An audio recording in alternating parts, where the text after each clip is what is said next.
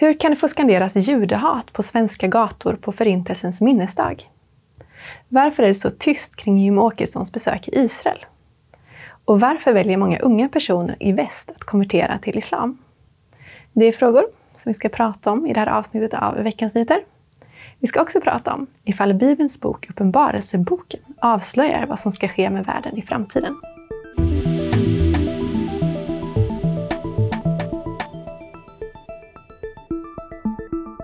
Varmt välkomna till säsongens första avsnitt av Veckans nyheter med mig Sara Andersson och bibelläraren Sven Almqvist som också är ledarskribent på Världen idag.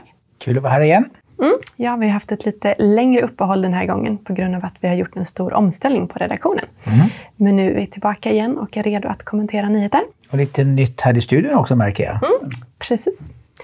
Yes, vi ska börja med att prata om att det kommit uppgifter från Israel om mm. att UNRWA-anställda, det vill säga personer på FNs flyktingorgan för palestinier, mm. deltog i attacken mot Israel den 7 oktober. Exempelvis är det en person som ska ha kidnappat en kvinna, en annan person som ska ha deltagit i massakern på en av kibbutzerna och en annan person som ska ha levererat ammunition. Mm. Det här har lett till att flera länder, däribland Sverige, har pausat stödet mm. till UNRWA och istället fördelar pengarna på andra sätt. Mm. Vad säger du om det här? Alltså, det här är en stor skandal. Det är en jättestor skandal. Vi talar om FN, en FN-organ som alltså bland sina anställda har människor som har utfört enorma terrorhandlingar. Grejen är den att i och med att Israel har tagit i beslag massa datorer och sånt från Hamas har man kunnat samköra olika system och sett att det verkligen är Hamas-sympatisörer. Medlemmar till och med? Va? Ja, ja, medlemmar. Alltså man är medlem, bara för att man är medlem i Hamas behöver man då definitionsmässigt inte vara medlem i själva terror, eh, militära grenen av Hamas. Så att det finns ju lite variationer här. Va? Men det säger ju någonting. Det är ju en skam för FN. Va? Och det kommer säkert att komma fram mycket mer bevis i takt med att de här filerna börjar, börjar låsas upp nu. Va? Så det är väldigt allvarligt. Det finns ju ett skäl för att USA, Frankrike, Storbritannien har dragit tillbaka sina eh, bidrag till den här organisationen. Och även Sverige nu då. Och många fler. Och för många fler kommer förmodligen. Mm. Men ska verkligen alla palestinier behöva drabbas för vad några få har gjort? Det är ju det som är den fruktansvärda konsekvensen av detta. Men det går ju inte att samarbeta med någon där var tionde person i stort sett sympatiserar med terrorism. Det är väldigt svårt, och speciellt under FNs namn. Mm. Så det, det, det, är, alltså det är skamligt. Mm. Ja, Världen har ju vid flera tillfällen tidigare berättat att det också förekommer antisemitism i läroböcker på de här mm. FN-skolorna och att lärare har uttryckt judehat och så vidare. Mm. Men exakt, och det, jag menar, det är ju på sådd kommer skörd. Va? Och även om du inte har utfört och hållit i vapnen, men om du tränar unga människor att liksom gå i riktning mot att hålla ett vapen, så är det ju ändå en del av den onda kedjan. Ja, vi ska gå vidare. Och då ska det handla om hatet mot Sveriges judar. Mm. I helgen så hölls det en stor manifestation mot antisemitism i Stockholm, där politiker från Vänsterpartiet till Sverigedemokraterna mm. deltog. Men samma dag, på Förintelsens minnesdag, hölls det också en stor pro-palestinsk demonstration. Mm. Och den samlade ännu fler deltagare, tusentals deltagare. Och på den här manifestationen så skanderades det ut budskap om Israels utrotning och det förekom något plakat med skylt om att världen ska hållas ren från judar. Mm. Och på kvällen samma dag när det var en minnesstund för Förintelsens offer i Stora synagogan i Stockholm mm. så var det också några pro-palestinska demonstranter där som skanderade hat mot Israel. Och på onsdagen så hittades det ett farligt föremål mm. utanför Israels ambassad i Stockholm. Enligt medieuppgifter handlade det om en skarpladdad handgranat som hade kastats mot ambassaden mm. men inte utlösts. Så vad säger du om det här? Finns det någon plats för judar i Sverige idag? Alltså, egentligen så är det ju skamligt att ens den här frågan behöver ställas. Men, men den, är, den, är, den är nödvändig. Alltså, finns det någon plats för judar i Sverige och egentligen överhuvudtaget i världen. Alltså det, det pågår faktiskt en ganska stor inflyttning, alia, till eh, eh, Israel just nu. Alltså det är judar någonstans söker sig till den plats i världen där man verkligen är välkommen, Israel. Och ändå så hör man samtidigt från the river to the sea, det vill säga ytterst sett, vi ska utplåna Israel också, så inte ens där ska ni få bo. Så det är ju anmärkningsvärt. Vi, vi är ju ändå år 2024 nu. Mm. Så att, eh, och den här demonstrationen du sa, det, det, det är ju vänsterextrema kommunister med kommunistflaggan och mer eller mindre nästan nazistiska uttryck, alltså rensa världen från judar. Mm, och även personer med bakgrund i Mellanöstern. Ja, men exakt. Men det är liksom en extremismen som kommer samman i hatet mot judarna. Det är anmärkningsvärt. Mm. Vad säger du om att de fick tillstånd så här, på Förintelsens minnesdag? Alltså, jag är ju väldigt mycket för yttrandefrihet och, Mm, även, demonstration, ja, men och även demonstrationsfrihet. Alltså, så, att, så att det ska mycket till för att förbjuda att ha en åsikt oavsett vad du har. Däremot tycker jag att man kanske kan strikta upp när, var, hur. Alltså när du ska få ha din åsikt och hur du ska få uttrycka det och var framför allt. Där kan jag tänka mig att man ändå kan strikta upp det mer. För, för det är ganska anmärkningsvärt när man på just den här dagen får höra de här fruktansvärda eh, antisemitiska slagorden. Ja, vi ska byta ämne. Mm. Och då handlar det om att ett gäng SD-toppar, Mm. däribland partiledaren Jimmy Åkesson, just nu befinner sig i Israel. Det här är inte ett besök som arrangeras av israeliska UD eftersom de har haft en lite avvisande inställning mot SD. Men däremot ett besök som sker på initiativ av det israeliska regeringspartiet Likuds råd för internationella relationer. Under det här besöket har SD-politikerna fått träffa ministrar, de har varit på Förintelsemuseet och de har träffat någon anhörig till något av de gisslan som är kvar i Gaza. Och Jimmy Åkesson skriver på Facebook att besöket i Israel sker för att de vill visa stöd för Israel i en svår tid. Vad säger du om det här? Ja, men det är väl positivt att man vill ge Israel stöd. Det är väl positivt att man besöker Förintelsemuseet. Jag kan inte säga. Alltså, det borde fler politiska partier göra. Miljöpartiet och Vänsterpartiet till exempel. Men tror du att det är ett PR-trick eller vill de verkligen visa stöd? Ja, men jag, jag, jag tycker inte det är ett PR-trick. Det är väl ingen, det är ju, det är ingen vinst i PR-mässigt att göra det här, utan det är ju tvärtom en prislapp tror jag att stå upp för Israel. Så, att, så det, den, den, den verkar han ju villig att ta då, den här prislappen. Så Det, jag tycker det är värt eh, beröm. Vi har tidigare varit inne lite på SDs rötter, att när partiet grundades fanns då personer som hade nazistiska eller fascistiska ideologier. Det gäller inte nuvarande ledningen, men ändå sticker det inte lite i ögonen. Det, det är rätt fascinerande faktiskt, det du säger nu. För, för så är det ju. Det finns ju vissa rötter som bara hade, hade bruna, eh, brun jord så att säga. Definitivt. Men det är som att SD har i de här frågorna varit på en resa in till en sundare och bättre syn på, på detta på område efter område. Det får man ge cred för. Medan Socialdemokraterna, om vi skulle jämföra de två partierna, SD på väg in i någon form, medan Socialdemokraterna som historiskt har varit väldigt positiva till Israel. Fast det fanns ju också nazism inom Socialdemokraterna. Jo, på men 30- i grund och 40-talet. botten hade den, den tunga, linjen var man positiv till Israel ändå. Under Göran Perssons tid exempelvis. Ja, jag Göran Perssons by. Men där man sakta, med, eller sakta man har bytt åsikt och är på väg till en mer och mer extrem åsikt. Där till och med Margot Wallström, för detta utrikesminister, inte ens var välkommen till Israel. Så att om SD går, SDs tåg går så, så går sossarnas tåg så. Jag är ju hellre med på ett tåg som är på väg åt rätt håll än ett tåg som är på väg åt fel håll.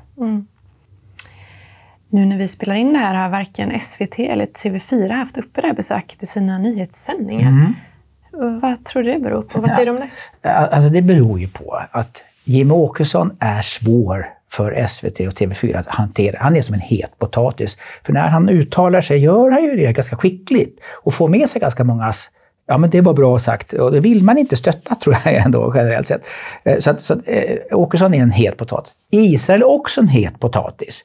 Eh, hur man ska riktigt hantera det. För man vill ju inte vara för pro. Så har man två heta potatisar, det blir som en kastrull med heta potatisar. Ah, vi släpper den frågan, blir den logiska slutsatsen. Mm. Men borde det inte ha ett stort allmänintresse att just SD åker till Israel? Absolut, därför är jag glad att du tar upp frågan. Eh, jag menar återigen va, eh, så eh, visar det sig att det finns någon form av agenda. att Det får inte vara för mycket positivt i vissa frågeställningar. Så att tystnad är ju ett väldigt effektivt vapen. Vi ska också säga det att SVT precis har svarat här på vår fråga kring det här. Och de uppger att svenska politiker reser mycket och att de inte har möjlighet att bevaka alla de resorna. Och att de inte bedömde att det här hade tillräckligt stort allmänintresse. Ja, vi ska byta ämne.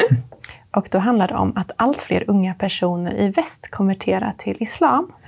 Jag tänkte att vi skulle gå igenom några olika orsaker till det. För det första så vill många unga visa stöd för palestinierna i kriget mellan Israel och Hamas.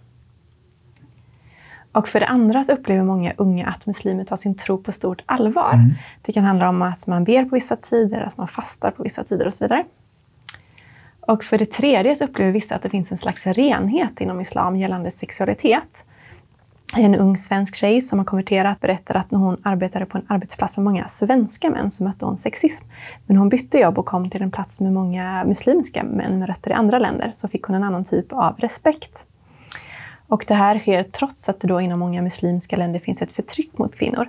Och det beror enligt forskare på att de här unga personerna eh, gör sin egen version av islam. Och för det fjärde så finns det tydligt rätt och fel inom islam. Det kan upplevas som om det är liksom en enkel och rak religion som mm. skapar ordning i en kaosartad tid. Och för det femte, i alla fall enligt apologeten Thomas Samuel, som själv var muslim men nu är kristen, så används propaganda för att fler ska konvertera inom islam. Det kan handla om att man spelar på känsloargument i det här kriget för att mm. få folk att, att konvertera.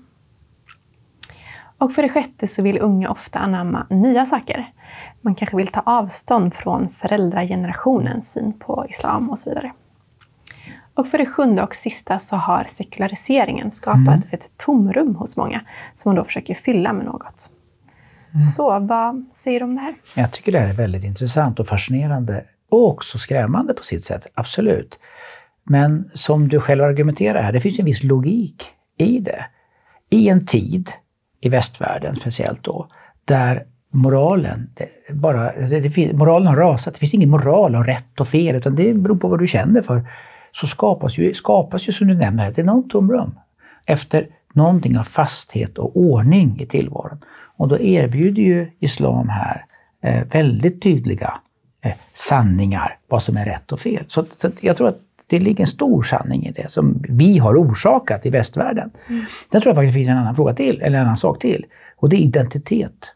Man, det talas så mycket om identitet, att hitta sin identitet. Man vet ju knappt om man är pojke eller flicka längre i den nya världsbild som växer fram. Här är det väldigt tydligt om, om du är kvinna, vad du ska vara, vad, vilken ställning du har i ordningen och hur du ska klä dig. Det är extremt tydligt runt detta. Mm. Men tror du att utvecklingen kommer fortsätta så det blir ännu fler som konverterar? Ja, det beror ju på egentligen vem som vinner propagandakriget och vem som vinner informationskriget här. Kring just det här kriget? Eller nej, andra frågor? nej, runt de stora frågorna. Vad är en människa? Vad är meningen med allt sammans? Eh, vad ska vi leva och dö för? Är det bara materiella ting och vi helt utarmar andliga frågeställningar så blir det ju intressant för den som vågar säga tydliga saker. Mm. Vad tror du det här innebär för framtiden då? Ja, men skulle sådana här typer av stora rörelser skörda stora frukter i, i unga, män, unga västerländska eh, samhällsländer, då går vi mot ett större icke-demokratiskt samhälle med, med enorma konsekvenser. Vi har pratat om judarna här i det här programmet. Då är det inte bara judarna som ska vara oroliga, då behöver vi kristna vara det också. Mm. Om man nu tycker att det här är ett problem, eh, vems fel är det och har kyrkan någon, något ansvar där? Bra att du ställer frågan, för det menar jag är det stora dilemmat här. Alltså, Hasse Alfredsson hade en, en, en, en humoristisk modell här, eller en monolog kallas det för, för x antal år sedan, om pastor Jansson. Pastor Jansson som inte hade någon åsikt, utan undrade hur mår jag idag? Vad ska jag ha för åsikt idag? Alltså, och det är lätt att raljera över det. Jag vet att det finns fantastiska präster också i Svenska kyrkan och allting, men överhuvudtaget har ju otydligheten blivit norm. Du får tycka vad du vill, du får leva vad du vill. Det finns ingen sanning mer eller mindre. Eh, och, och Gud är så kärleksfull. Eh, vad du än gör. Den här skapar ju ingen utmaning. Det blir ju en, det blir ingen attraktion, det blir ett förakt. Och Jesus själv säger detta, att om saltet mister sin sälta, då trampas det ner av människor. Det blir bara förakt. Så väldigt många unga människor har någon form av förakt till allt för extremt flummig kristendom. Vi har avkristnat kyrkan. Och det är klart att då blir det någonting annat som blir intressant. Det finns ingen utmaning. Men skulle vi plocka fram den sanna Jesus, den Bibel, Bibelns Kristus och ställa honom här och ställa den sanna Muhammed här, så är han extremt radikal med kärlek. Och här är en annan profil med Muhammed. Då skulle valet bli väldigt lätt för många, tror jag. Men tyvärr har vi gjort Jesus till någonting annat än vad han egentligen är. Lejonet av Juda har blivit en jamade katt. Och jamade katter kan man ju gossa med, men det är ju ingen man följer. Man följer ledare. Så att eh, här behöver vi lyfta fram Jesus igen. Ja. Vi ska gå in på lite mer teologi här, för mm. det blir dags för veckans teologiska fråga.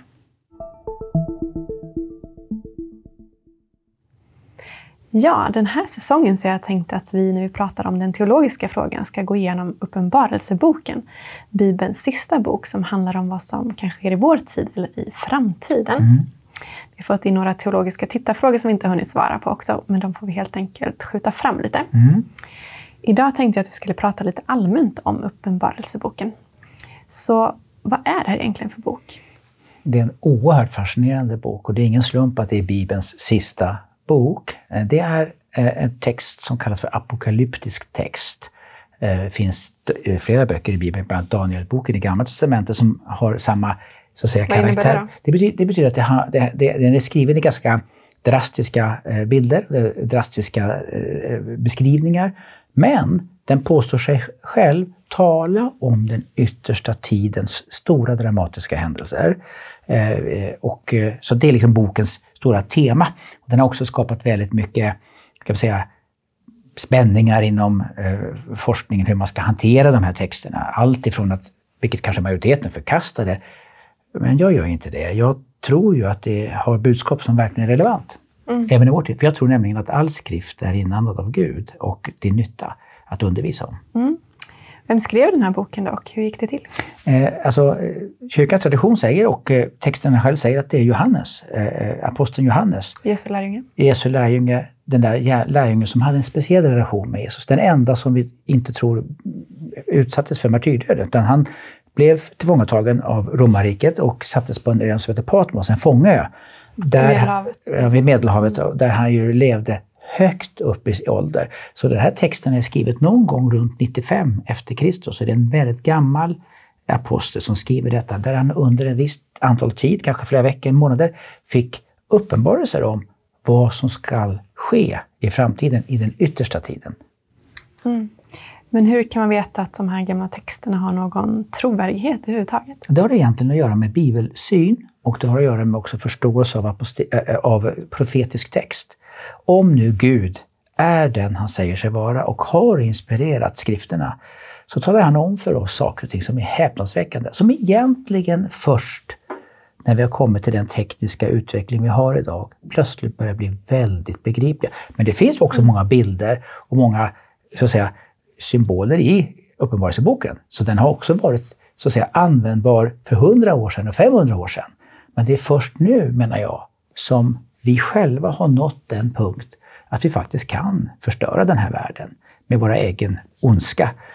Läs kärnvapen och annat. Så att den är jätterelevant och väldigt många skrattar åt detta och säger det har ingenting.